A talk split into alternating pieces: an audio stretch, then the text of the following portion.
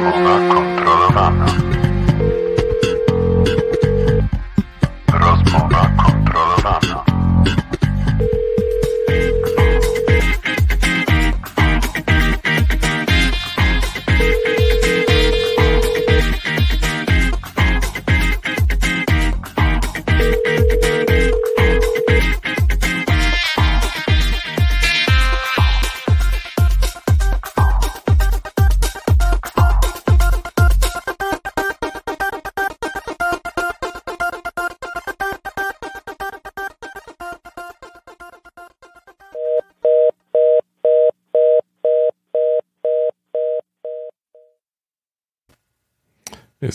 Jesteśmy, proszę się nie obawiać, wszystko w normie.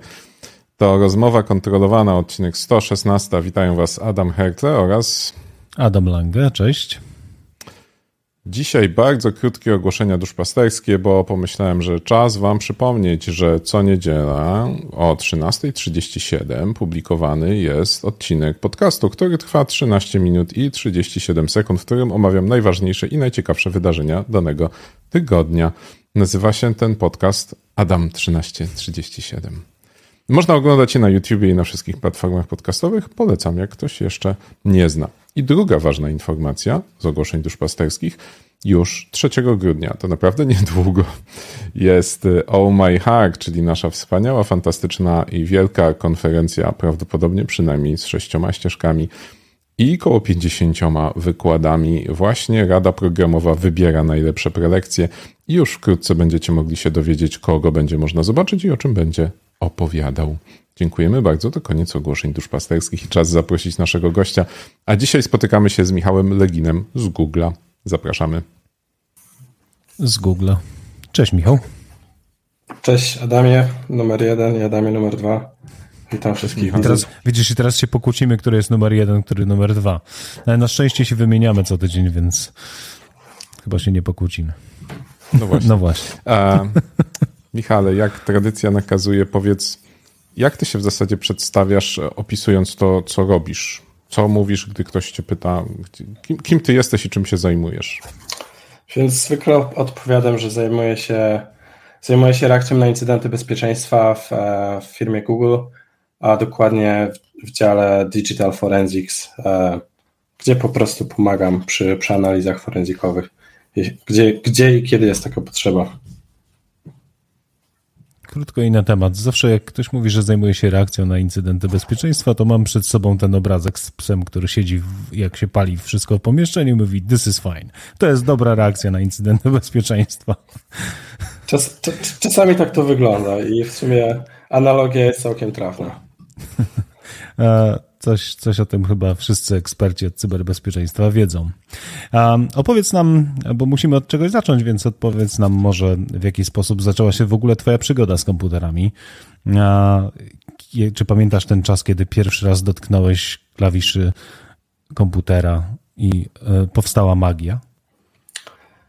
Pamiętam, pamiętam okres, kiedy, kiedy to się zdarzyło. To było jeszcze przed, przed w zasadzie pójściem do, do podstawówki. E, mój brat miał w domu komputer e, Commodore 64, e, którego głównie używaliśmy do, do gier. Był to, był to ten model z, z odtwarzaczem, z czytnikiem kaset, odtwarzaczem kaset, więc e, tak się po prostu wygrywało gry i programy i w zasadzie magia, magia tego rozwiązania na, na, na tamten czas jakoś nam tak zawładnęła i, i to był tak naprawdę pierwszy kontakt, kontakt z, z komputerem. Pamiętam, że Adam, mieliśmy. Słuchaj, Adam, słuchaj, bo na Commodore były gry. To tak. Słuchaj. Ale właśnie w kontekście innych rzeczy, które, które jeszcze były na Commodore. Nie wiem do końca, jak ta, jak ta książka się znalazła, ale jeśli dobrze pamiętam, to to była książka o programowaniu w języku Basic. I pamiętam, że coś przepisywałem z książki na ekran tego komputera i coś się później działo. Pamiętam, Pamiętam nawet niektóre, niektóre polecenia, print, goto yy, i tak dalej. E, ale wtedy jeszcze w ogóle nie wiedziałem, nie wiedziałem z, czym to się, z czym to się je i o co tutaj chodzi. Ale na tyle mnie to zaciekawiło, że, że tak jakby w dalszej części mojego, mojego życia starałem się, starałem się rozwijać to zainteresowanie. Zobaczył print i goto i nie mógł przestać sprawdzać, co to powoduje i dlaczego i jakie zostawia ślady w komputerze i tak zaczęła się jego kariera. To brzmi całkiem jak nie, nie, niezłe intro do, do życiorysu, gdybyś kiedyś musiał komuś opowiadać. No dobra, a czy, czy w twojej drodze rozwoju zawodowego były jakieś studia, nie, nie daj Boże jeszcze związane z bezpieczeństwem albo w ogóle IT, czy ominąłeś ten etap? Bo nie trafiliśmy na taką informację, więc dowiemy się na żywo. Okej, okay, jasne, więc już, więc już, już wyjaśniam. E, studiowałem na Politechnice Opolskiej. Jest to miasto, e, z którego pochodzę, Opole. E, I studiowałem, nie, nie będzie to zaskoczeniem, że studiowałem informatykę. Czasem jest. Tutaj ludzie po psychologii też przychodzą. Więc. I pamiętam, że na magisterce, na magisterce zadziały się dwie, dwie ciekawe rzeczy, ponieważ wybrałem taką specjalizację związaną z bezpieczeństwem sieci przemysłowych to była taka dość, dość niszowa, w zasadzie najmniejsza chyba specjalizacja na tym, na tym wydziale i z tego co pamiętam było to głównie związane z tym, że, ma, że mieliśmy w pobliżu elektrownię Opole, która była dość dużym zakładem przemysłowym i zakładam, że w ten sposób chcieli, chcieli zainteresować potencjalne kadry. A druga ciekawa rzecz, która miała wpływ na to, na to, że tutaj teraz z Wami jestem i rozmawiamy o tym, o czym będziemy rozmawiać, e, to to, że na, tych, e, na tym wydziale E, na moim ostatnim kierunku e, studiów, czy na, na piątym roku, e, otworzył się kierunek studiów podyplomowych, który nazywał się informatyka śledcza. Jeden z, pro, z profesorów, po prostu, który wiedział, że interesuje się bezpieczeństwem, zapytał się mnie, czy chcę, udział, czy chcę wziąć udział w tych studiach, ponieważ mieli, mieli parę miejsc dla, dla cywilów. Same studia były, z tego co pamiętam, otwarte głównie dla, dla osób e, ze służb. E, no i w zasadzie tak, tak, tak się zacząłem interesować tematem, tematem e, informatyki śledczej, forensics, reakcji na incydenty bezpieczeństwa. Gdyby nie te studia podyplomowe, nie, gdyby nie ten zbieg, zbieg okoliczności, nie wiem jak to inaczej nazwać, to podejrzewam, żebym się zajmował czymś innym niż, niż teraz.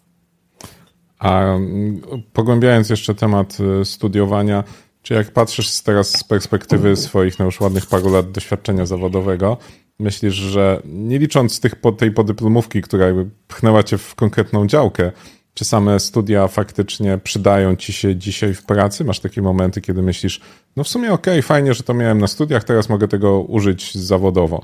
Czy masz takie poczucie, że to był dobrze spędzony czas w jakimkolwiek aspekcie?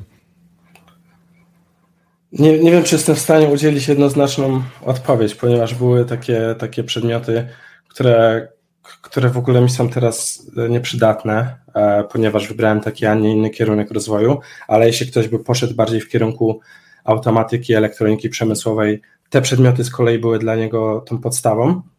Natomiast to, co, to w czym mi te studia pomogły, to zbudować solidne fundamenty pod, pod dalszą specjalizację, czyli mówimy tutaj o sieciach komputerowych, o tym, co się dzieje, gdy, gdy, gdy e, plik binarny jest wykonywany na, na, na, na, na systemie, jaki jest w ogóle cykl życia procesu i, i tego typu podstawowe rzeczy, więc e, w tym kontekście studia potrafią tą wiedzę usystematyzować, e, wiedzę, która jest potrzebna do, do tego, żeby później gdzieś pójść w konkretną specjalizację.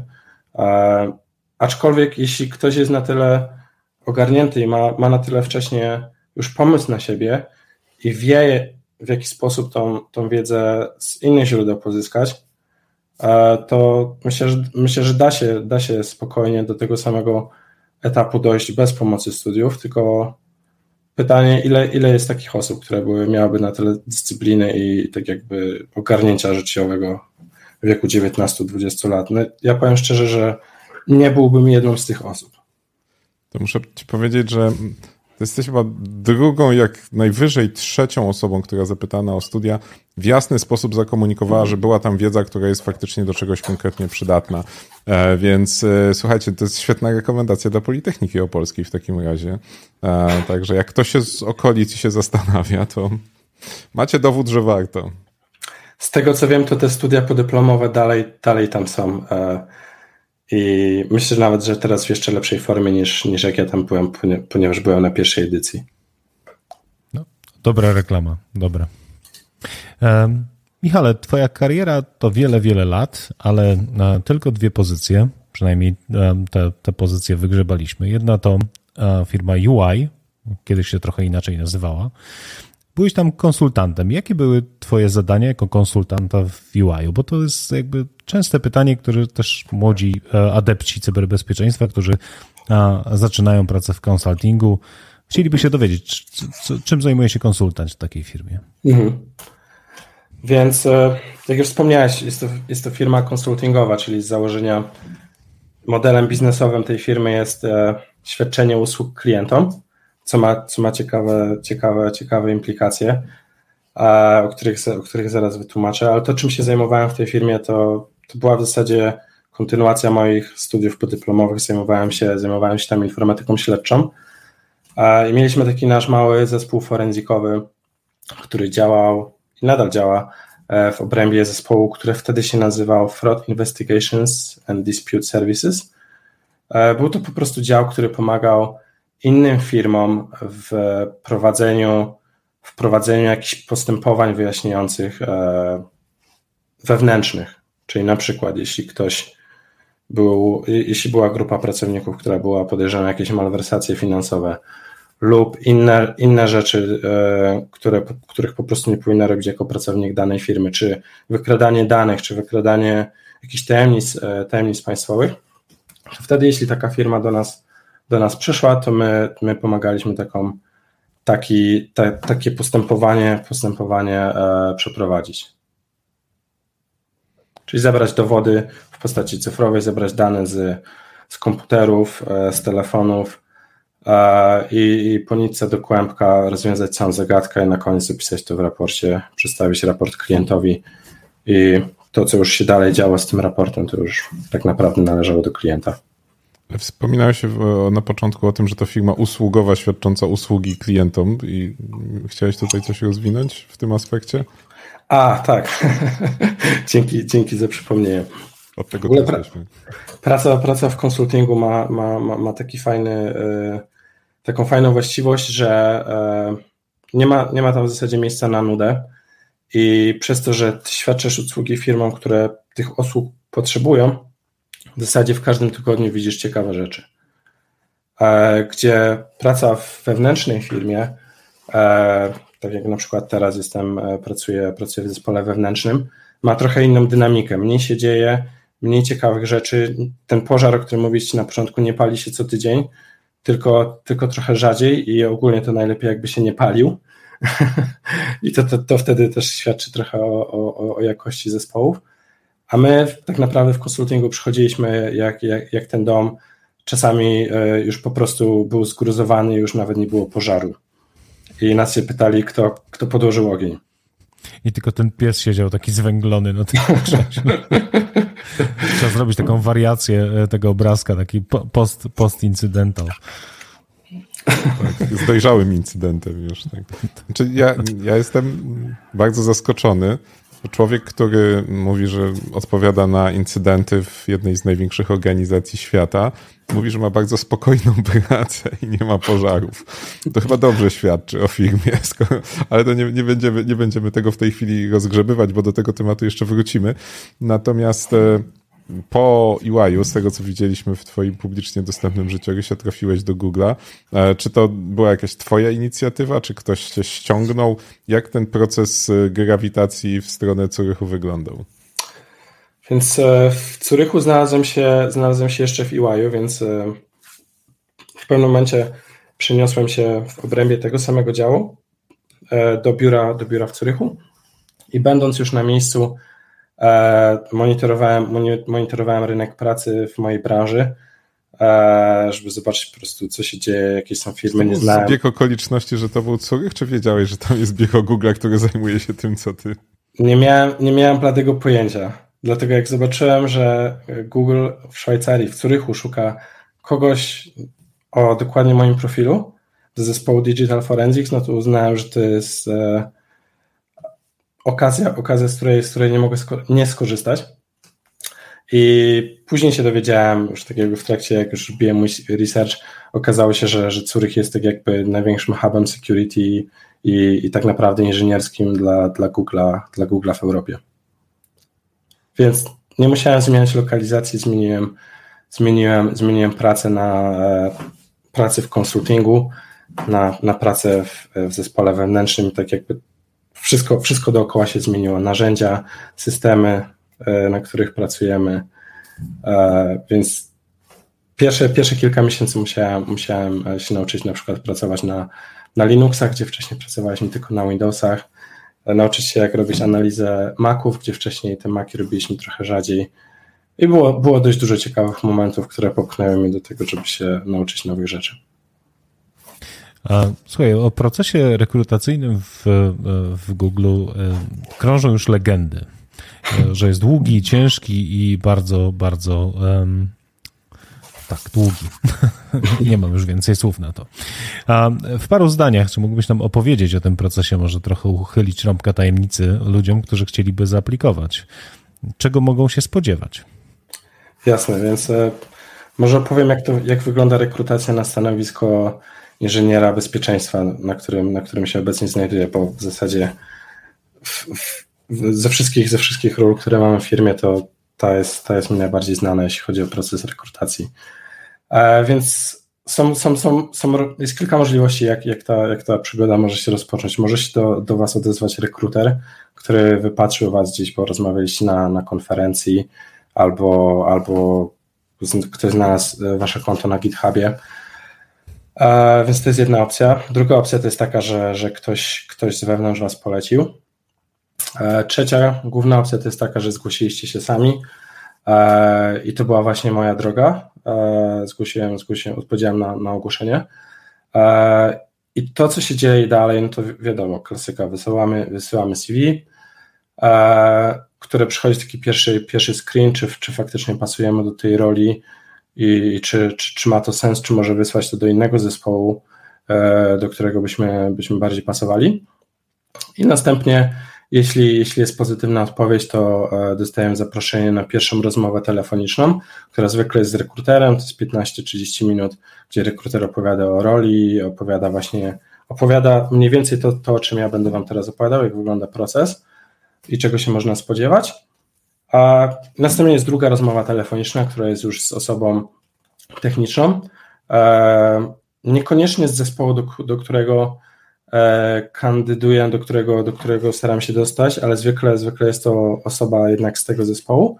I to jest godzinna rozmowa, gdzie sprawdzana jest wiedza z obszaru security, do którego aplikujemy, czyli jeśli aplikujemy do zespołu forensics, to na pewno będą pytania związane z reakcją na incydenty i analizą forenzikową.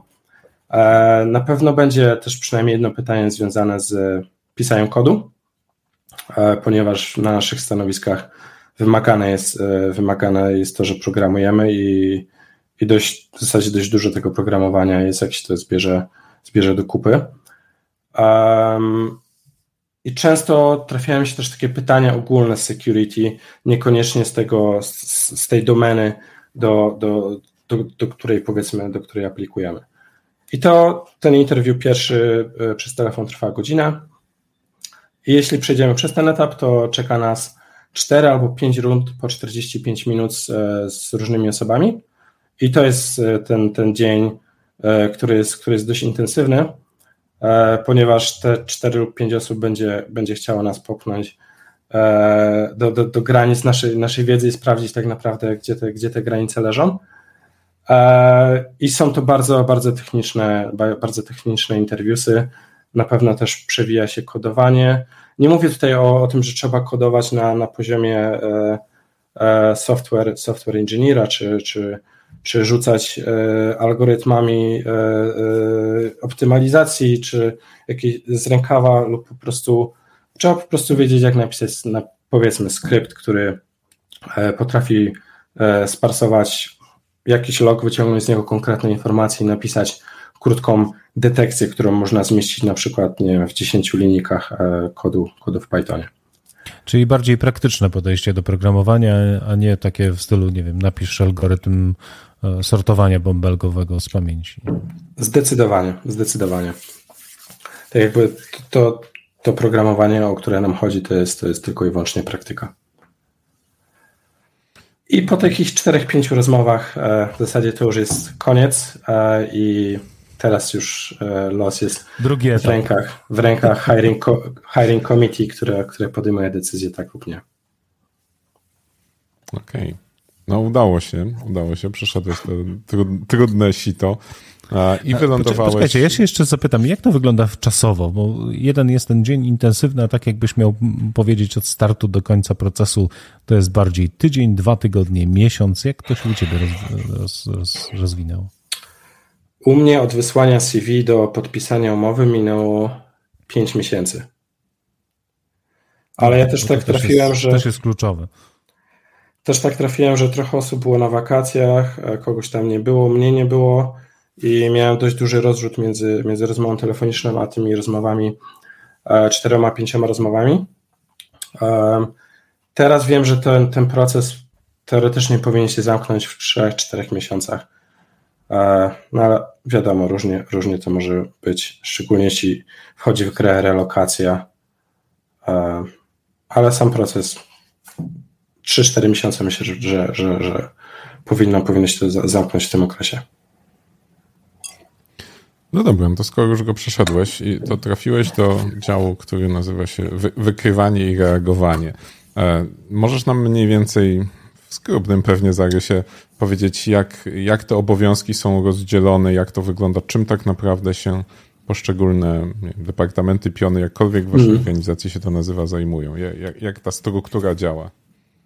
E, Więc na samej górze mamy ten zespół, który nazywa się Detection Response. Um, I w ramach tego zespołu mamy, mamy kilka, kilka mniejszych zespołów, które w sumie nie są wcale takie małe. Największym z tych e, mniejszych zespołów jest zespół detekcji, e, który tak naprawdę też robi reakcje na incydenty bezpieczeństwa, czyli też pracuje przy, przy tych incydentach. Nie zajmuje się detekcją, aczkolwiek się w niej specjalizuje. Wiem, że mieliście gościa z tego zespołu, Mariusza, który był jakiś czas temu u Was. Więc to jest ten e, nasz zespół, który zajmuje się detekcją. Następnie mamy zespół, który się nazywa Digital Forensics, e, który zajmuje się właśnie ana- ana- analizą forenzykową, analizą, którą można było nazwać e, związaną z informatyką śledczą czy analizą powłamaniową. I to jest, to jest zespół, w którym ja jestem. Następnie mamy zespół Incident Management, który, który, e, którego rolą jest tak jakby zarządzanie dużymi incydentami bezpieczeństwa, koordynacja i tak jakby komunikacja z innymi, z innymi zespołami, po to, żeby te dwa poprzednie zespoły mogły się skupić na technicznej pracy przy dużych incydentach. I to jest, to jest naprawdę duża, duża pomoc ze strony tego zespołu, jeśli, jeśli coś naprawdę się pali, to wtedy wiem, że ja mogę się zająć e, techniczną, techniczną pracą, a tamten zespół będzie koordynował pracę między innymi ludźmi i e, wysyłał update'y do, do, do, do, do, ważnych osób, które chcą wiedzieć, co się, co się dzieje lub na przykład konsultował jakieś kwestie z działem prawnym. E, Mamy też zespół Insider Task Force, który łączy rolę detekcji i reakcji e, w kontekście, w kontekście, w kontekście incydentów wewnętrznych, czyli jeśli ktoś wynosi dane albo na przykład przegrał e, tysiąc, e, tysiąc plików, e, które z, z, z, zawierają jakąś wartość intelektualną na, na pendrive'a dwa dni przed tym, jak, jak planuje odejść, no to, no to właśnie coś takiego trafi do tego zespołu. I w zasadzie to są, to są te cztery główne zespoły, które, które tworzą ten trzon zespołu detekcji i reakcji. E, I w zasadzie naszą taką wspólną misją jest, jest, jest ochrona naszych, naszych sieci komputerowych i różnych środowisk przed, przed nie, nie, nie, niepożądanymi gośćmi z zewnątrz e, lub, lub też wewnątrz tak naprawdę. Co jeszcze w sumie może być ciekawe, że na, mamy, mamy kilka środowisk, w których pracujemy. Tak jakby w większości firm, które, które znam, e, mamy głównie środowisko korporacyjne, w których są e, laptopy, stacje robocze, telefony. U nas, u nas jest, jeszcze sieć produkcyjna, która, w której działają wszystkie serwisy typu Gmail i tak dalej. Wszystko, co jest, e, co jest do klienta, to działa w tej sieci i to są głównie, głównie centra danych, a sieć korporacyjna to tak jak w każdej firmie e, laptopy, stacje, telefony i tak dalej. To, co jeszcze mamy, to, to, to, to tak jak nasz, naszym obowiązkiem jest też dbanie o bezpieczeństwo w innych, w innych firmach, które, które należą do spółki Alphabet, czyli na przykład YouTube, Waymo, Fitbit e, i firmy, które, które gdzieś Google na bieżąco kupuje. Tak to w skrócie mniej więcej wygląda. Słuchaj, brzmi to fascynująco i um, nie możemy nie spytać, e, czego używacie w swojej codziennej pracy, bo wyobrażenie jest takie, że wchodzicie do jakiegoś bunkra pełnego fantastycznych narzędzi, e, które pomagają wam w pracy, czy to napisanych in-house, czy, czy, czy, czy zakupionych. Jak to wygląda tak w rzeczywistości? E, czy wytwarzacie bardziej swoje oprogramowanie, na którym pracujecie, czy kupujecie, czy używacie open source'a może? Więc wszystko zaczyna się w tym bunkrze. nie, tak nie poważnie. w Zurichu. Bez okien. Wykuty w skale. w górach. E, ok, więc odpowiadając na Wasze pytanie, e, używamy głównie narzędzi open source.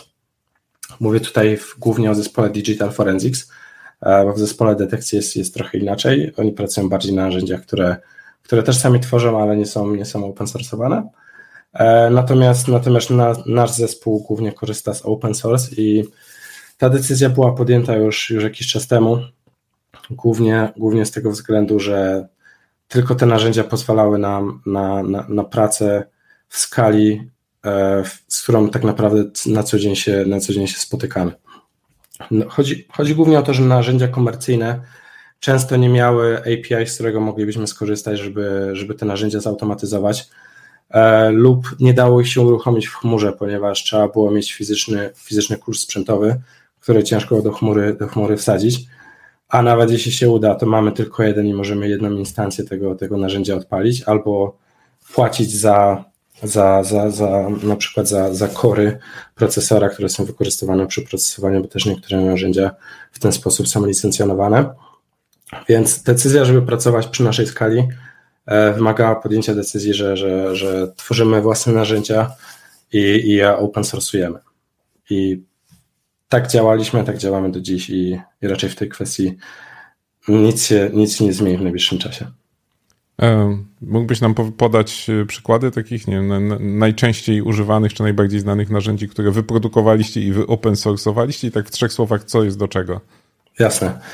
E, więc wymienię te główne narzędzia, z których, z których korzystamy na co dzień. Głównym narzędziem to jest e, Plazo, e, które służy do, do ekstrakcji, ekstrakcji artefaktów z danego źródła danych razem z ich timestampami, czyli, czyli z tym znacznikiem czasu, kiedy dany event się wydarzył. Dla przykładu, jeśli mamy nasz komputer i wyjmiemy z niego dysk twardy, wykonamy kopię tego dysku twardego, to następnie kopię tego dysku twardego możemy wysłać do procesowania do Plazo i Plazo e, za pomocą swoich parserów wyekstraktuje wszystkie eventy, które, które może sparsować razem z datą, kiedy coś się wydarzyło. Czyli na przykład jeśli plik X był utworzony e, dzisiaj o godzinie 20, to będzie to jedna pozycja w tym, w tym e, wyniku z tego narzędzia, które nazywamy timelinem. Nie wiem do końca, jak, jakie słowo byłoby tutaj odpowiednie. Oś czasu. Oś, Oś czasu, czasu, dziękuję. Oś czasu. E, na tej naszej finalnej osi czasu. E, a na przykład, jeśli dany klucz rejestru został utworzony lub zmodyfikowany sekundę później, to na, no w konsekwencji będzie to następne wydarzenie e, w tym timeline. I z, powiedzmy z takiego dysku, na którym działa Windows, możemy spokojnie wyekstraktować 3, 4, 5 milionów takich eventów. No i pytanie później, co z tym co z tym zrobić, jak podejść do, do tej analizy, bo ilość, ilość danych może, może i, i przytłacza. może przytłaczać i przytłacza. Więc e, tutaj z pomocą e, po, e, przychodzi narzędzie, które, które nazywa się TimeSketch, e, które jakby wie, wie, wiele firm do, do, do takiej analizy e, osi czasu wykorzystuje na przykład Excela czyli po prostu wrzucają, wrzucają wszystkie dane e, do, do Excela, ale to ma swoje limitacje. I tak jakby TimeSketch jest odpowiedzią na te limitacje. Głównie chodzi tutaj o ilość danych. Do jednego, do jednego workspace'u timesketchowego możemy wrzucić na przykład e, timeline, czy, czyli te osie czasu z 5, 10, 20 komputerów na raz i pracować na tych danych jednocześnie, filtrować je e, względem czasu, pisać kwerendy, wyszukiwać, e, wyszukiwać e, interesujące nas informacje za pomocą słów kluczowych. I drugą najważniejszą rzeczą, dlaczego to narzędzie w zasadzie powstało, to jest umożliwienie kolaboracji między, między analitykami. Czyli na przykład, jeśli mamy już ten nasz workspace, w którym jest 10, 10 przeprocesowanych dysków twardych, to do takiego workspace'u mogę usiąść z, z, dwoma, trzema osobami z mojego, z mojego zespołu i możemy na tym jednocześnie pracować, zaznaczać eventy, które nas interesują, komentować a, i na koniec wyprodukować z tego, z tego jakiś główny, główny timeline, który będzie opowiadał konkretną historię, co się wydarzyło na, na, danych, na danych systemach. Więc e, opowiedziałem o Plazo, opowiedziałem o Time Sketchu. Powinienem wspomnieć jeszcze o Turbini, która jest e, narzędziem, które pozwala nam uruchamiać różne narzędzia bez naszego udziału. Czyli jeśli mamy na przykład pięć, pięć narzędzi do procesowania danych, z których korzystamy w czasie analizy, na przykład jest to Plazo, Bulk Extractor i jeszcze trzy inne narzędzia, które chcemy uruchomić jedno po drugim na konkretnym źródle danych, to zamiast robić te ręcznie i pisać te wszystkie kwerendy i czekać, aż jedno się skończy, wrzucić do drugiego i tak dalej, to możemy po prostu to źródło danych wrzucić do, do turbini, powiedzieć mi, proszę, pre, przeprocesuj mi to źródło danych tymi kilkoma narzędziami i przy okazji zrób to dla 15 innych dysków. Czyli tak jak możemy to skalować horyzontalnie i, i, i, i wertykalnie. E, I w zasadzie możemy to uruchomić za pomocą jednej komendy i następnego dnia, czy za parę godzin spojrzeć już na, na nasz przeprocesowany zestaw danych. To jeszcze hasher, bo to twoje. A, tak, tak. Skromnie nie wspomniał. E, więc hasher to jest, e, to jest narzędzie, którym, przy którym pracowałem, z którego korzystamy. I tak w skrócie, to jest narzędzie, które, które e, potrafi z na przykład z systemów, z obrazów bazowych danego systemu operacyjnego, czyli na przykład z Linuxa, z Windowsa, z plików ISO, z update'ów Windowsowych, wyekstraktować rekursywnie wszystkie pliki, zhaszować je i wrzucić to wszystko do bazy danych. I w ten sposób tworzymy sobie tak naprawdę nasz hash set plików, które, o których coś wiemy, którym możemy względnie zaufać. Tak, tak jak e, mamy na przykład e, zestaw e, hashów NSRL, które mogą służyć do jakiegoś filtrowania danych, tak za pomocą narzędzia hasher możemy sobie sami taki, taki zestaw hashów, którym względnie ufamy, stworzyć i następnie wykorzystać to do, do, do e, przeanalizy. A możemy to wykorzystać w taki sposób, że jak już mamy powiedzmy te kilka milionów eventów wypracowanych z Plazo, to jeśli spojrzymy na ilość plików, które tam faktycznie się znajdują na dysku, to będzie to powiedzmy coś około 300 tysięcy. Z tych plików możemy sobie wyfiltrować jeszcze bez użycia hashera same pliki binarne. Powiedzmy, zejdziemy tutaj już do poziomu 4000 plików binarnych, e, o których jeszcze nic nie wiemy, a użycie danych, które wygeneruje nam hasher, pozwoli nam odfiltrować to wszystko, co, co znajdowało się na bazowym systemie operacyjnym.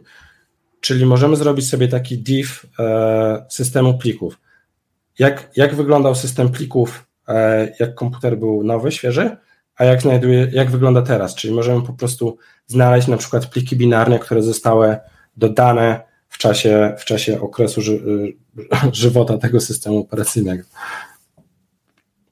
co pozwoli nam akurat w kontekście tego przy, przykładu, który mówiłem, zejść powiedzmy z poziomu 4000 plików binarnych do 120 i to już jest liczba, którą możemy, którą możemy e, jakoś ręcznie, ręcznie przejrzeć i, i, i wyciągnąć z tego, z tego jakiś wniosek. Akurat te liczby, które podałem, pochodzą z artykułu, który piszę, piszę właśnie na ten blog, na blog, który, który pojawił się, którego adres pojawił się u Was na ekranie. To jest OS. OSDFIR blogspot.com. Dokładnie, dokładnie tak. Więc e, podejrzewam, że gdzieś za tydzień, za dwa tygodnie znajdziesz tam artykuł, jak korzystać z tego narzędzia w kontekście analizy e, powołamaniowej i w jaki sposób e, możemy, możemy go, te, te, ten zbiór danych, które to narzędzie wygeneruje, wykorzystać do tego, żeby zawęzić to, na co musimy spojrzeć przy, przy incydencie.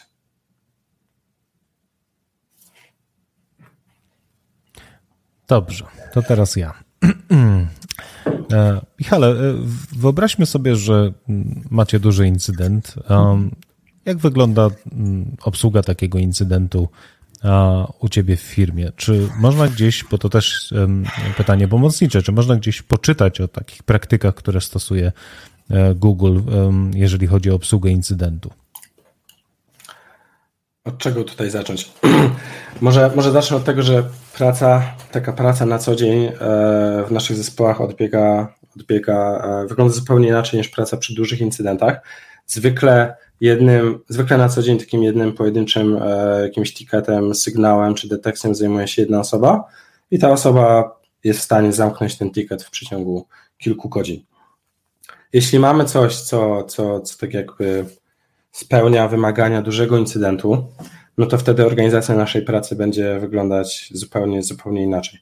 W, e, pierwszym krokiem będzie przede wszystkim deklaracja takiego incydentu, powiadomienie zespołu osób, że, że coś się dzieje i zebranie, i zebranie, zebranie zespołu. I to wszystko, co się później, co się później dzieje, jest, e, jest tak jakby oparte o taki framework, o zbiór zasad, który nazywamy IMAC. To jest e, skrót od Incident Management at Google. Jest to system, który jest oparty na, na takim systemie e, ICS, Incident Command System, jeśli dobrze pamiętam, który jest używany przez różne służby ratownicze na, na całym świecie i pomaga w takich trzech w zasadzie najtrudniejszych e, aspektach pracy przy, przy incydentach, które, które jest kontrola nad incydentem, e, koordynacja tego incydentu i komunikacja, komunikacja w obszarze tego incydentu. E, więc tak, pierwsza, pierwszy krok to jest deklaracja incydentu, później jest osoba, która deklaruje, a okej, okay, może, może zaczniemy od tego, jakie są role w takim zespole.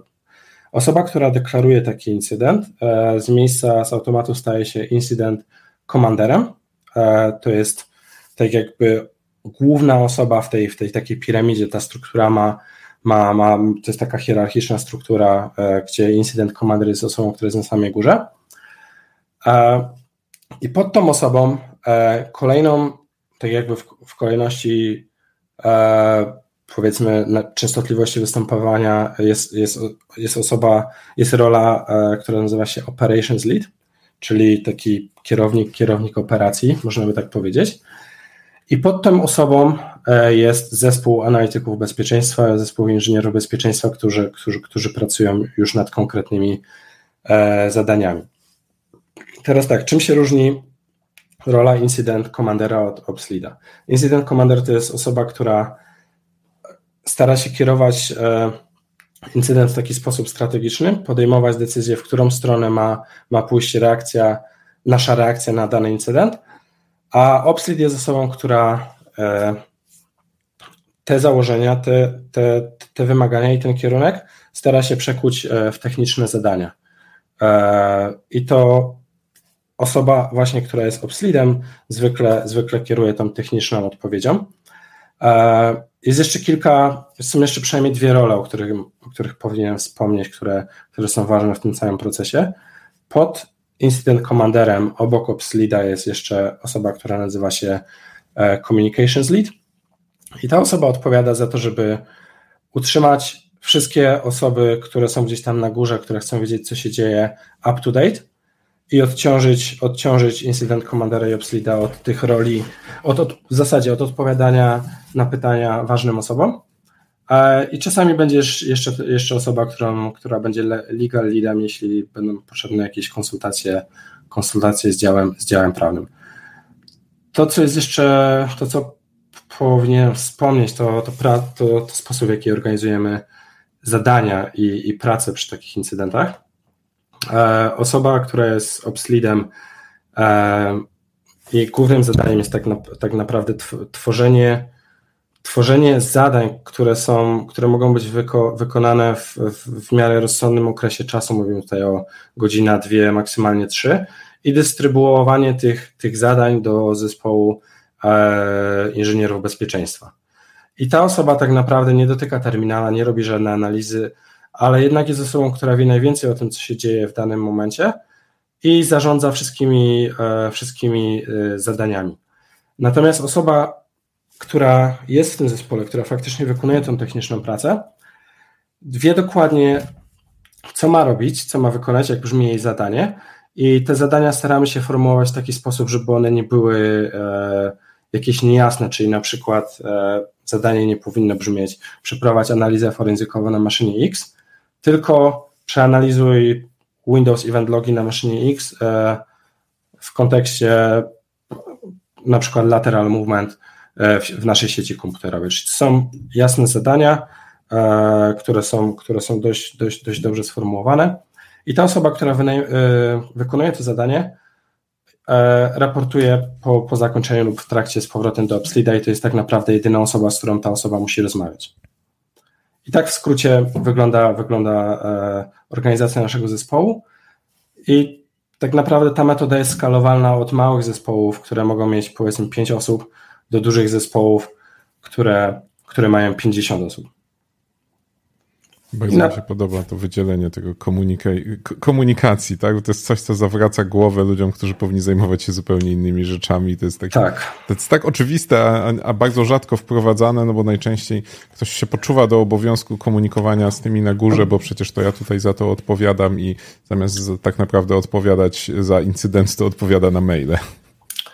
Dokładnie tak. Albo jest gdzieś na wideokolu, albo pisze na czasie, bo jakiś dyrektor albo ktoś inny się obudził i, i, i chce dostać już update teraz, a nie za godzinę. No właśnie, nie macie takich sytuacji z tych takich trudniejszych, że e, podczas takiego incydentu, gdzie, tak jak wspomniałeś, macie zrobioną strukturę hierarchiczną, ktoś jest, każdy jest odpowiedzialny za coś, nagle przychodzi jakiś VP i mówi, dobra, słuchajcie, a teraz przychodzi tam niżej, e, poza, poza tego incydent komandera i mówi, weź mi tutaj wyciągnij jakieś dane i podeślij mailem.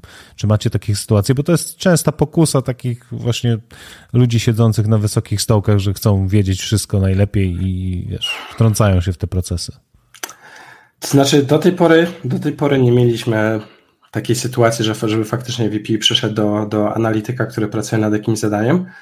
E, Gdyby, gdyby taka sytuacja się wydarzyła, to mam nadzieję, że ten analityk skierowałby tą osobę do incydent commandera, który by wtedy powiedział tej osobie albo, za, albo zapraszam cię na spotkanie za, za godzinę, gdzie porozmawiamy o, o, o naszym incydencie, e, które jest z góry już wcześniej zaplanowane, albo nie, może, może mogłoby zaproponować takiej osobie dołączenie do zespołu, i, i faktyczną, faktyczną pracę przy, przy, przy jakichś technicznych aspektach tego incydentu. Znamy Ale... jednego incydent komandera z Google, który by pewnie wystawił taką osobę za drzwi i kazał się oddalić z dużą prędkością. Tak. W paru językach jeszcze. Pozdrawiamy serdecznie. Nie, nie chciałem tego tak ująć, ale większość, większość osób by tak, by tak postąpiła. Tak, przy incydencie chyba są inne priorytety. Tak, i to co, jest, to, co jest ciekawe, to też że ta hierarchia, którą mamy na co dzień, w zasadzie nasza struktura jest dość płaska, ale przy incydentach e, ta, ta potrzeba hierarchii jest dość, dość duża i może się zdarzyć, i zdarzyło się tak, że na przykład mój, e, mój menadżer czy menadżer mojego menadżera byli pod, pod osobą, którą zarządzali na co dzień, i, e, bo po prostu ktoś musiał wykonywać, wykonywać tą pracę techniczną, więc czasami może się zdarzyć tak, że ta hierarchia codzienna będzie, będzie trochę wywrócona. To fajny wątek, to bardzo ciekawe zjawisko. E, mamy trochę pytań od naszych słuchaczy i niektóre są całkiem fajne. E, pierwsze pytanie od Krzysztofa. Jakie trzy umiejętności najczęściej wykorzystujesz w forensiku, nie licząc szybkiego pisania dokumentacji? Myślę, że jeśli już wspomnieliśmy o, dokumenta, o pisaniu dokumentacji, to, to byłoby to raczej czy, czytanie dokumentacji. Myślę, że to byłaby jedna z takich ważnych umiejętności.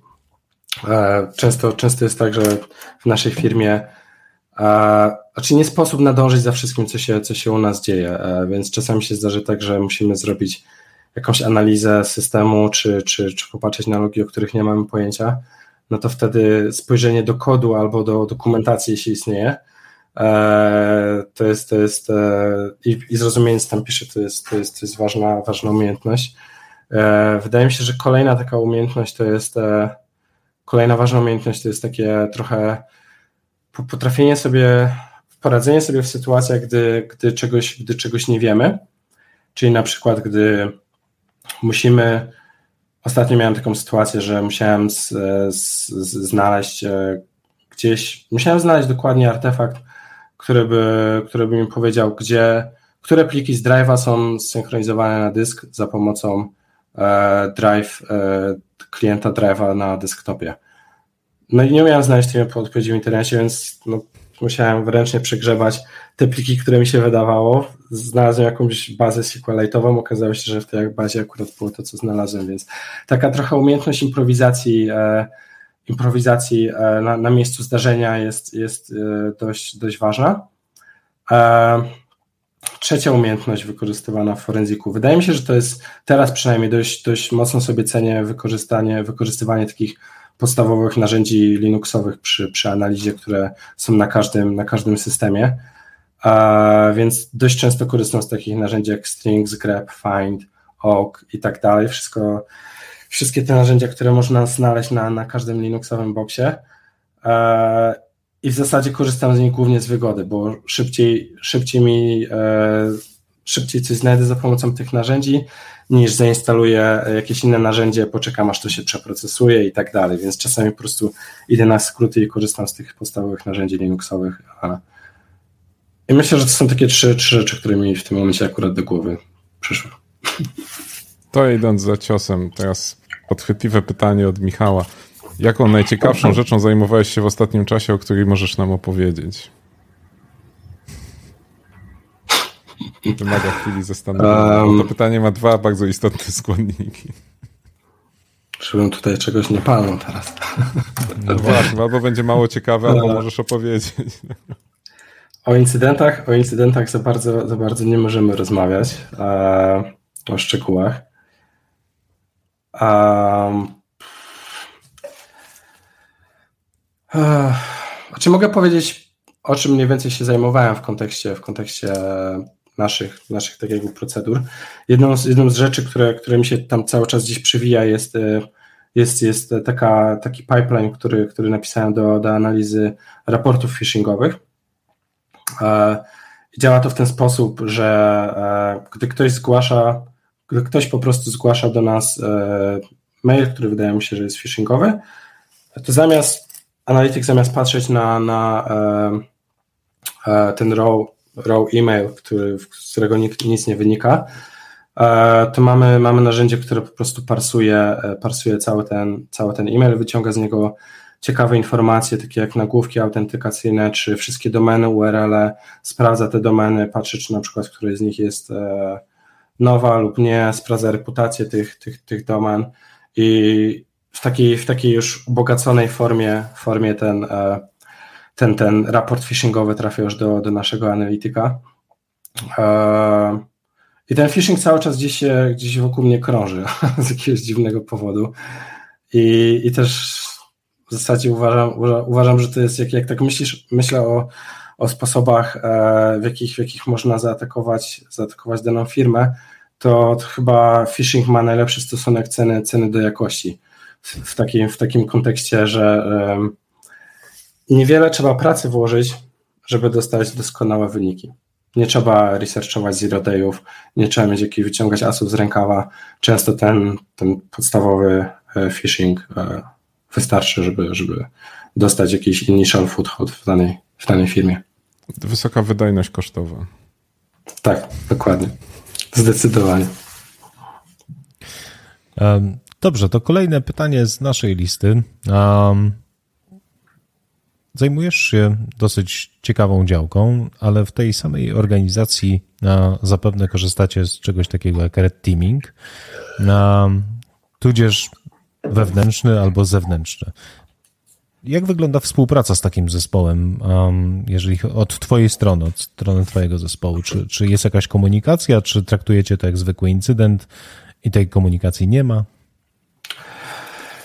To tak, zacznijmy od tego, że mamy, że mamy Red Team, który jest e, dość, dość rozbudowany i podobnie jak nasze zespoły detekcji reakcji e, są, są w trzech strefach czasowych.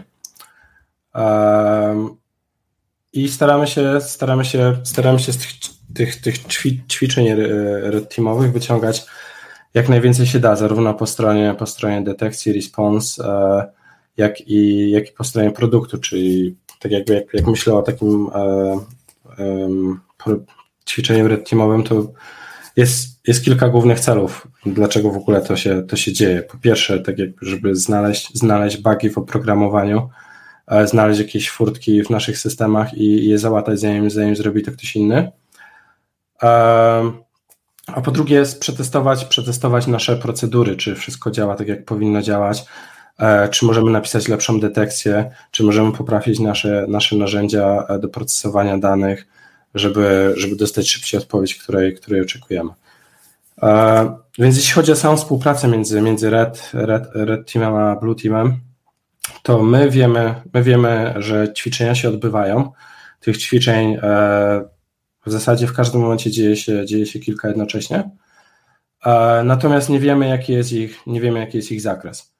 Mamy, mamy dosłownie mamy dostęp do, do jednego zdania, które podsumowuje dane ćwiczenia, ale tak jakby nie, nie zdradza celu i nie zdradza i nie pomaga analitykom w decyzji, czy, czy to na co patrzy, czy to jest red team, red team, czy nie. E, więc co się dzieje, co się dzieje, jeśli wykryjemy coś, co wygląda jak, jak red team? E, załóżmy, że, że trafia, trafia jakiś ticket, e, jakiś sygnał do analityka. Analityk na to patrzy i czasami są takie, czasami są takie e, jakby podejrzenia, że coś wygląda zbyt dobrze albo coś, mówiąc kolokwialnie, śmierdzi red teamem. E, albo po prostu może wszystko wydawać się ok, ale ktoś chce sprawdzić, czy to nie jest przypadkiem red team. Mamy taką procedurę eskalacji, która pozwala e, sprawdzić, czy dany event e, należy do jakiegoś ćwiczenia, czy nie. Jeśli należy, to wtedy red team jest informowany, że zostali wykryci. My im nie przeszkadzamy, czyli nie robimy, nie robimy, e, nie robimy jakiejś mitygacji, nie, nie zamykamy dostępu. I na tym, na tym etapie się kończy praca zespołu response na detekcji. E, przy niektórych ćwiczeniach, e, jeśli zdecydujemy, że jest taka, że jest taka, że na przykład jest dobra okazja, żeby sprawdzić nasze procedury lub nauczyć się czegoś nowego, to zdecydujemy się, żeby na takie ćwiczenie odpowiedzieć, ale zwykle Zwykle stanie się to w jakiejś e, określonej formule i zwykle po zakończeniu ćwiczenia, po to, żeby po prostu tym zespołom nie, nie, nie przerywać, nie przerywać e, ćwiczenia, do którego się przygotowywali czasami 3 lub 4 tygodnie. E, więc tak jak wspomniałem, tych ćwiczeń w każdym momencie jest, jest kilka jednocześnie, ale raz czy dwa razy do roku mamy takie, takie ćwiczenia red teamowe na sterydach, które, które nazywają się red, red cellem i wtedy tak jakby jest, jest, bardzo, jest bardzo niewiele reguł, a przede wszystkim nie ma takiej możliwości, żeby sprawdzić, czy, czy coś jest, e, czy to jest red team, czy nie. I celem red teamu w takich ćwiczeniach jest, e, zwykle, zwykle starają się oni naśladować jakąś grupę APT, korzystać z narzędzi, które dana grupa wykorzystuje i starać się osiągać cele, które, które dana grupa zwykle chce osiągnąć. Czy to jest e, kradzież kodu źródłowego, czy, czy coś innego, czy, czy e, motywacje finansowe.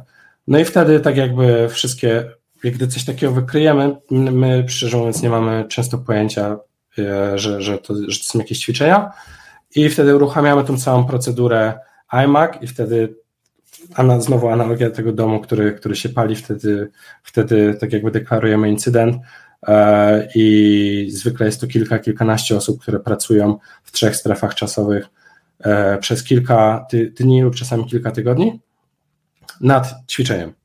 Jeśli wykryjemy, jeśli wykryjemy e, taką, jeśli, jeśli tak jakby reakcja się, się już rozpocznie i zbierzemy na tyle, na tyle dużo danych, że będziemy czuć się komfortowo z tym, żeby nacisnąć duży czerwony przycisk z naciskiem E, wyrzucamy ich, odcinamy dostępy, rotujemy wszystkie kredenszale e, i, i czujemy się komfortowo z tym, żeby rozpocząć fazę, fazę e, mitygacji incydentu, no to wtedy dla nich, wtedy już piłka jest po ich stronie, ich tak jakby już nie ma w systemie i teraz jest pytanie, czy my przeoczyliśmy jakiś etap, czy mają jakiś dodatkowy backdoor, czy, czy ten zespół musi znaleźć kolejną furtkę, żeby osiągnąć swoje cele. I to jest to jest super sprawa i polecam, polecam każdemu takie, takie ćwiczenia. Jeśli oczywiście. A potem po paru tygodniach się dowiaduje taki zespół, że to był red teaming i mówi: O Jezu, znowu red teaming. Wiesz co, zwykle, zwykle dowiadujemy się po paru dniach. E, albo, albo ktoś, nam, ktoś się nad nami zlituje e, i powie nam, bo na przykład jest okres, e, akurat tak się zbiegło, że ćwiczenia, które były planowane na kilka miesięcy do przodu, zbiegły się z, z, dużym, z dużym ruchem w przestrzeni incydentów w danym okresie czasu, lub na przykład zauważymy, że ktoś z Red Teamu popełni jakiś jakąś obcekową pomyłkę e, i wtedy, wiesz, jak już widzimy jakąś aktywność powiązaną z daną osobą z Red Teamu, okej, okay, to jest Red Team. I to są, to, są, to są też ciekawe, ciekawe momenty. Ale staramy się, staramy się jak najbardziej współpracować z Red Teamami i, i po każdym takim ćwiczeniu powstaje raport i jest też tam taka część, którą, którą wypełnia zespół detekcji, gdzie opisuje swoje detekcje, co zadziałało, e, co powinno zostać napisane i tak jakby to całe ćwiczenie pozwala, pomaga priorytetyzować pewne, pewne e, decyzje. Powiedziałeś jedną bardzo, bardzo ciekawą rzecz, o której generalnie mało jest w internecie, bo mało osób tego doświadczyło. Ja kiedyś opisywałem jakiś gruby incydent w Stanach, gdzie wykryto grupę włamywaczy w jakiejś bardzo poważnej instytucji rządowej która następnie była obserwowana przez dwa miesiące, zanim ktoś nacisnął ten czerwony guzik, to już samo podjęcie decyzji, mamy włamywaczy, ich obserwujemy, mało jest organizacji na świecie, które decydują się tak odważnie do tego podchodzić, bo sama świadomość, że oni już są w środku i mogą zrobić różne inne rzeczy, jest gigantycznym ryzykiem. Mało jest organizacji, które są tak odważne, że tak ufają swoim umiejętnościom, że będą w stanie tak pilnie obserwować włamywaczy, że gdy dojdą do granicy, która jest nieprzekraczalna, to będzie ktoś, kto to zauważy i naciśnie ten guzik. To jest jedna sprawa. A druga sprawa, w tamtym incydencie wyrzucono tych włamywaczy po dwóch miesiącach, ale okazało się, że w systemie tak naprawdę były dwie grupy i ponieważ wszyscy byli tak skoncentrowani na tej jednej i ją tak mhm. bardzo obserwowali, ta druga w tym czasie rozrabiała, wyrzucili tą jedną, po dwóch miesiącach niespania, nie chodzenia do toalety, y, zrobili sobie wolne i w tym czasie ta druga grupa zrobiła to, co ta pierwsza tak naprawdę miała zrobić. Jak podejmujesz czy jak, jak, jak, abstrahując od incydentów, które obsługiwałeś, jak, jak, jak w ogóle wymyślić, kiedy nacisnąć ten guzik, tak? Czy, czy są jakieś granice, które się stawia? Jakie, jakie są w ogóle procedury? Mało organizacji w ogóle o tym myśli, więc tym ciekawsze jest twoje spojrzenie na to, jak w ogóle podchodzić do takiego problemu? No bo z reguły to działa tak, widzimy, wywalamy, tak? Ale często mhm. te informacje, które można zebrać w trakcie obserwacji są super cenne. I, i jak, jak się zachowywać w tej sytuacji? To jest, to jest absolutnie najtrudniejsza decyzja, jaką, jaką e, musimy i podejmujemy w trakcie reakcji na incydenty bezpieczeństwa. E, I to jest, to jest decyzja, która, od której bardzo wiele zależy. Jeśli zdecydujemy się to zrobić zbyt szybko, to ryzykujemy tym, że e, nie wiem, możemy, może, mogliśmy coś przeoczyć, możemy nie wiedzieć o, o całej aktywności danej, danej grupy, która powiedzmy buszowała w danej, w danej sieci. I co z tego, że zrotujemy credentiale, utniemy im dostęp, o którym my wiemy, jeśli oni mają, jeśli oni mają e, dostęp, jeszcze dwie, dwie albo trzy, trzy, trzy furtki. Z kolei, jeśli zrobimy to zbyt późno, ryzykujemy tym, że grupa może osiągnąć swój cel. Może wykraść dane, może odpalić ransomware, może, może zrobić coś innego. I tak jakby mitygacja po tym, po tym etapie już nie ma najmniejszego sensu, bo oni już sobie pójdą, tak jakby ich robota się skończyła, więc e, podjęcie, podjęcie tej decyzji, e, nie mam, nie mam jakiegoś e, sekretnego, sekretnej, sekretnego wzoru, w którym dniu to powinno nastąpić, ale według mnie powinno to nastąpić wtedy, kiedy z dużą pewnością możemy powiedzieć, że wiemy o prawie wszystkim, co, co dana grupa zrobiła w danej sieci komputerowej, bo nigdy nie będzie takiej sytuacji, żeby nie wiedzieć wszystko, tylko musimy w pewnym momencie podjąć decyzję, ok, może to już jest ten moment, w którym czas powiedzieć, czas powiedzieć im cześć i, i, i zamknąć furtkę, ale kiedy to się stanie, to jest, to jest bardzo płynna granica, bardzo, bardzo, bardzo delikatny temat i każdy, każdy incydent będzie inny. Trudna sprawa. Doświadczenie tak? pomaga. bardzo, bardzo pomaga, wydaje mi się, rozmowa, rozmowa o tym z, z różnymi osobami, i tak jakby to, to jest, to jest ten temat, który powinien, o którym powinniśmy już myśleć e, na pierwszych dniach, w pierwszych dniach e, incydentu. Dobrze. E, to teraz tak na szybko. Gdybyś znalazł złotą cyberrybkę, która mogłaby spełnić Twoje trzy cyberżyczenia, to te trzy cyberżyczenia w zakresie cyberbezpieczeństwa to byłyby. Rozumiem, że mogą być, być to takie idealistyczne, trochę, trochę nierealne Mogą. cele. Mogą. Okej, To jest Zapraszamy złota rybka, ona może wszystko. Okej, Zna złotego Gina, czy tam tego cybergina. okej. Dobra, więc jak mówiliśmy o, o phishingu, to, to, to bardzo bym chciał, żeby takiego problem phishingu został globalnie, globalnie e, zlikwidowany, żeby najlepiej, żeby phishing został zakazany e, i, żebyśmy nie musieli się z tym, się z tym, się z tym ścierać. Em, kolejną, kolejną rzeczą, e, która mi by pomogła bardzo w pracy, to gdyby, gdyby wszystkie logi były w, w jednej strefie czasowej. To może wróćmy do tego phishingu. Nie ma, nie ma, Słuchaj, nie masz ma, nadal, nadal masz trzy życzenia według złotej rybki, bo dwa na razie powiedziałeś takie, które się nie wydarzą, więc... ale dlatego pytałem na początku, czy, czy jak wysoko mogę mierzyć. No dobra, to zostały ci jeszcze trzy, no ale to okej. E, więc, e, więc phishing logi, czyli rozumiem jeszcze nadal mam trzy, tak? Nie zaliczyłem. No, dobra, Dobrze, jedno, no jedno. mo- jedno. Żartujemy. no. Um, Okej, okej, okej.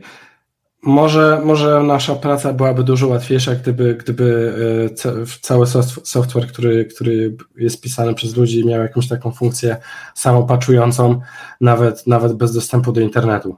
Powiedzmy, jeśli wychodzi jakiś bug, e, software się automatycznie w magiczny sposób e, sam paczuje, a my nie musimy, nie musimy później odpowiadać na incydenty bezpieczeństwa. Tylko pytanie, co byśmy później robili. No właśnie.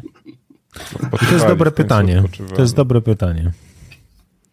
Tak, y, ja, ja chciałem tylko zauważyć, że z phishingiem to da się prosto załatwić, po prostu twój pracodawca musi rozszerzyć jeszcze zakres świadczenia swoich usług na wszystkich swoich konkurentów i, i jak będzie już obsługiwał wszystkie maile na świecie, to wtedy, to wtedy w końcu będzie można problemu phishingu się pozbyć, czego serdecznie, serdecznie życzymy sobie i tobie. Dziękuję. Dobra. E, przechodzimy do pytań mniej, e, mniej zawodowych, a w szczególności takich zupełnie niezawodowych, czyli co byś, jak, jaki miałbyś zawód, gdybyś nie miał tego zawodu, który masz? Masz jakiś taki, który myślałeś, że byś wykonywał, gdybyś nie robił tego, co robisz? Żeby, Złota rybka spełniła twoje życzenia i teraz szukaj sobie Tak, nowej jesteś roboty. bezrobotny, musisz znaleźć nową robotę. Gdyby, gdybym miał podjąć coś, co by mi musiało e, przy, przynosić zyski już, już w tym momencie, e, to podejrzewam, że kontynuowałbym zawód, który, który porzuciłem e, właśnie, właśnie na, na rzecz informatyki śledczej. E, Pracowałem jako trener tenisa ziemnego na, na studiach i przed studiami e, i z tym byłem, z tym byłem dość mocno związany. Aczkolwiek jeśli miałbym, jeśli miałbym znowu idealizować, to, to, to może pomyślałbym o karierze muzyka, aczkolwiek to podejrzewam, żeby się skończyło tak, że żebym był zmuszony grać do kotleta, żeby, żeby coś zarobić. To w tej wersji optymistycznej, pesymistycznej na ulicy. tak, tak, dokładnie. Michale, ale to możesz nadal połączyć z obecną pracą. Możesz na przykład wszystkim podczas incydentu grać na nerwach. E, Może sprawcą, sprawcą. Um, no dobrze, a co robisz, gdy nie pracujesz? E, Masz jakieś ciekawe hobby? Głównie, głównie staram się, staram się muzykować. Gram na gitarze, e, nagrywam, nagrywam też, też swoje utwory i ostatnio zainteresowałem się trochę inżynierem dźwięku, czyli jak te nagrane utwory poskładać w jakąś e, sensowną całość, która, która się dobrze klei. E, I po prostu tworzę, tworzę, tworzę muzykę w, e, w zaciszu domowym, że tak powiem. Trochę się to zin- zintensyfikowało podczas, podczas pandemii. E, ale staram się to dalej, dalej utrzymywać, tak żeby mieć jakąś, jakąś odskocznię e, od, od pracy. Szkoda, że nie grasz na keyboardzie, bo byśmy wtedy zażartowali, że zamieniasz tylko klawiatury. Poza tym, e, poza tym my też zajmujemy się inży- inżynierią dźwięku. Adam na przykład podczas, nie wiem, to było za dwa miesiące temu spalił interfejs audio, więc jakby O, coś o tym wiemy. To nie miało nic wspólnego z pracą nad, nad e, audio, bo jak wszyscy wiedzą, nasze audio jest beznadziejne, bo, bo wolimy spędzać czas szukając ciekawych gości niż optymalizując nasz dźwięk. Ale gdybyś kiedyś miał wolny wieczór, to chętnie o tym porozmawiamy. okej, Tak jestem jest. jak najbardziej do dyspozycji, chętnie porozmawiam. No dobra, to teraz e, przedostatnie pytanie. Na jakim systemie pracujesz na co dzień? W zasadzie, okej, może zacznę od tego, co mam, co mam w domu. W domu mam, mam e, e, komputer z Windowsem. E, na nim, na nim te wszystkie, te wszystkie jakieś muzyczne programy obsługuję.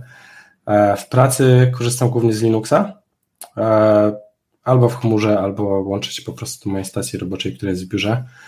A do tego korzystam z Maca, który tak naprawdę jest moim takim terminalem do łączenia się z, z, moim, z moim boxem Linuxowym i, i, i czymś, na czym mogę otworzyć przeglądarkę, więc tak naprawdę mam w kontekście dnia Windows, Windows, Mac, Linux. Tu mam jeszcze zapasowego Chromebooka, jakby, jakby coś się działo z moim Maciem, a, a byłby pożar. Kurczę, myślałem, że w Google to wszyscy pracują na Chromebookach i tam nie ma tematów związanych na przykład z ransomware'em. Wiesz, mamy, jako, jako pracownicy mamy wybór. E, każdy może sobie wybrać platformę od, od Maca przez, przez Windowsa po Linuxa. Są osoby, które, które, które pracują w moim zespole na Chromebookach, są osoby, które na przykład mają laptopy Linuxowe. Ja wybrałem Maca z tego względu, że przekonało mnie to, że po prostu mogę, mogę go zamknąć, wrzucić do plecaka i, i, i wiem, że jak go tworzę, to będzie działał dalej. Dobrze. Tak, ładna analogia, bardzo ładna. Finalne pytanie na naszej liście, e, pytanie definiujące gościa zawsze. E, Commodore czy Atari? Myślę, że poniekąd e, odpowiedziałem na to pytanie na początku. Niestety. Acz, aczkolwiek chciałbym zauważyć, że to nie był mój wybór, co miałem w domu. Został zmuszony. Stąd ta popularność tej marki. Biczami i słoniami zaciągali użytkowników do klawiatury. Więc jakbym miał teraz coś wybrać, to podejrzewam, że zrobimy research, co mogę zrobić na jednym, co mogę zrobić na drugim. Ale może was się zapytam, w jaki sposób byście mnie przekonali do Commodore albo do Atari? Słuchaj, Czy lepiej nie? Musielibyśmy, musielibyśmy nagrać osobny odcinek albo spotkać się na żywo, bo pewnie by się skończyło rę, rękoczynami, więc... E, okej, okay, okej, okay, rozumiem. Czyli to jest oszczędzimy tego. Tak, tak. To może następnym razem. Tak, Amstrad. Amstrad podpowiada Damian. To jest jakieś rozwiązanie, ale Amstradem się słabo bije, bo one strasznie szybko się łamały, bo tam była ta stacja dysków na przedłużeniu albo, albo magnetofon, więc za długie i za, za kruche. Pamiętam, że w Commodore dla mnie zawsze największą magią były te kasety, że, że to jest po prostu, że to był kod, który się wczytywał z kasety analogowej i czasami się wysypywał, czasami nie, ale że to była kaseta, to miało, w tym sobie, miało to w sobie, w sobie jakąś magię w całym tym procesie. Tak. Tak, zdecydowanie. Proszę nie gwizdać i nie tupać, bo się gra wgrywa. tak, tak było na Atari. Um, dobrze. Jasne. Kto, kto głowicę ustawiał? Kto głowicę ustawiał? No Słuchaj, dobra, dobra. My, my ten, były gry, ten konflikt no. zabierzemy już poza antenę. Dziękujemy Ci, Michale, bardzo za poświęcony nam czas. E, I jako użytkownicy usług Twojego pracodawcy trzymamy kciuki za Twoją skuteczność. Dziękuję bardzo za powierzone zaufanie. I dziękuję za zaproszenie. Bardzo miło, bardzo miło mi się z Wami rozmawiało. Mam nadzieję, że, że opowiedziałem co nieco ciekawych rzeczy i nie przynudzałem za bardzo. Potwierdzamy. Było Nam się super. podobało bardzo. Tak. E, w ogóle Dzięki chcemy się wprosić e, podczas incydentu z Adamem, już sobie piszemy gdzieś tam na czacie, że chcemy się wprosić, żeby oglądać, jak to jest zrobione wszystko w środku, więc jakby Tylko czekamy na zaproszenie. Wproście się od dobrej strony. Adam, Adam ma, Adam ma to czerwoną jeszcze zastanawiamy dzisiaj. się, co będzie łatwiej. Właśnie, Adam ma dzisiaj czerwoną bluzę, więc ja nie wiem, po której on jest no stronie. ja jestem no always blue, także, także okay, mnie okay. Może tak, że jeden z jednej, drugi z drugiej, zobaczymy, kto pierwszy dojdzie do twojej stacji, bo to nie wiem, które zadanie będzie łatwiejsze. Dobra. Michale, dzięki, że do nas dołączyłeś i miłego wieczoru Ci życzymy. Dziękuję również wzajemnie. Cześć. Trzymajcie się. Cześć. A my jeszcze na 3 sekundy wracamy do ogłoszeń duszpasterskich. Dzisiaj nie ma konkursu, bo nagrody od sponsora się skończyły. Wszystkie kamerki wam już wysłaliśmy. Ale przypominam, że All My Hack już 3 grudnia i lada moment ujawnimy program, a ja już wiedząc mniej więcej jak wyglądają wstępne wyniki głosowania Rady Programowej, bo część już głosujących się wypowiedziała, mogę powiedzieć, że fajnie będzie. Szedłbym na tą konferencję. Zresztą ja muszę, bo ją organizuję, ale nawet jakbym nie musiał, to bym poszedł. I przypominam, że jeżeli ktoś jeszcze nie słuchał, to odcinek Adam 1337 czeka, a tam 8 bardzo ciekawych newsów z tego, co działo się w sektorze bezpieczeństwa przez ostatni tydzień. Tak, to już ten czas. To już ten czas, tak. kiedy będziemy się z wami żegnać. I żegna się z wami również Stefan. Jeżeli pytacie, gdzie jest backup, to backup jest oczywiście w sejfie, tam gdzie miejsce backupów. Doskonale. Słuchajcie, widzimy się za tydzień w 117 odcinku Rozmowy Kontrolowanej. Miłego wieczoru. Cześć.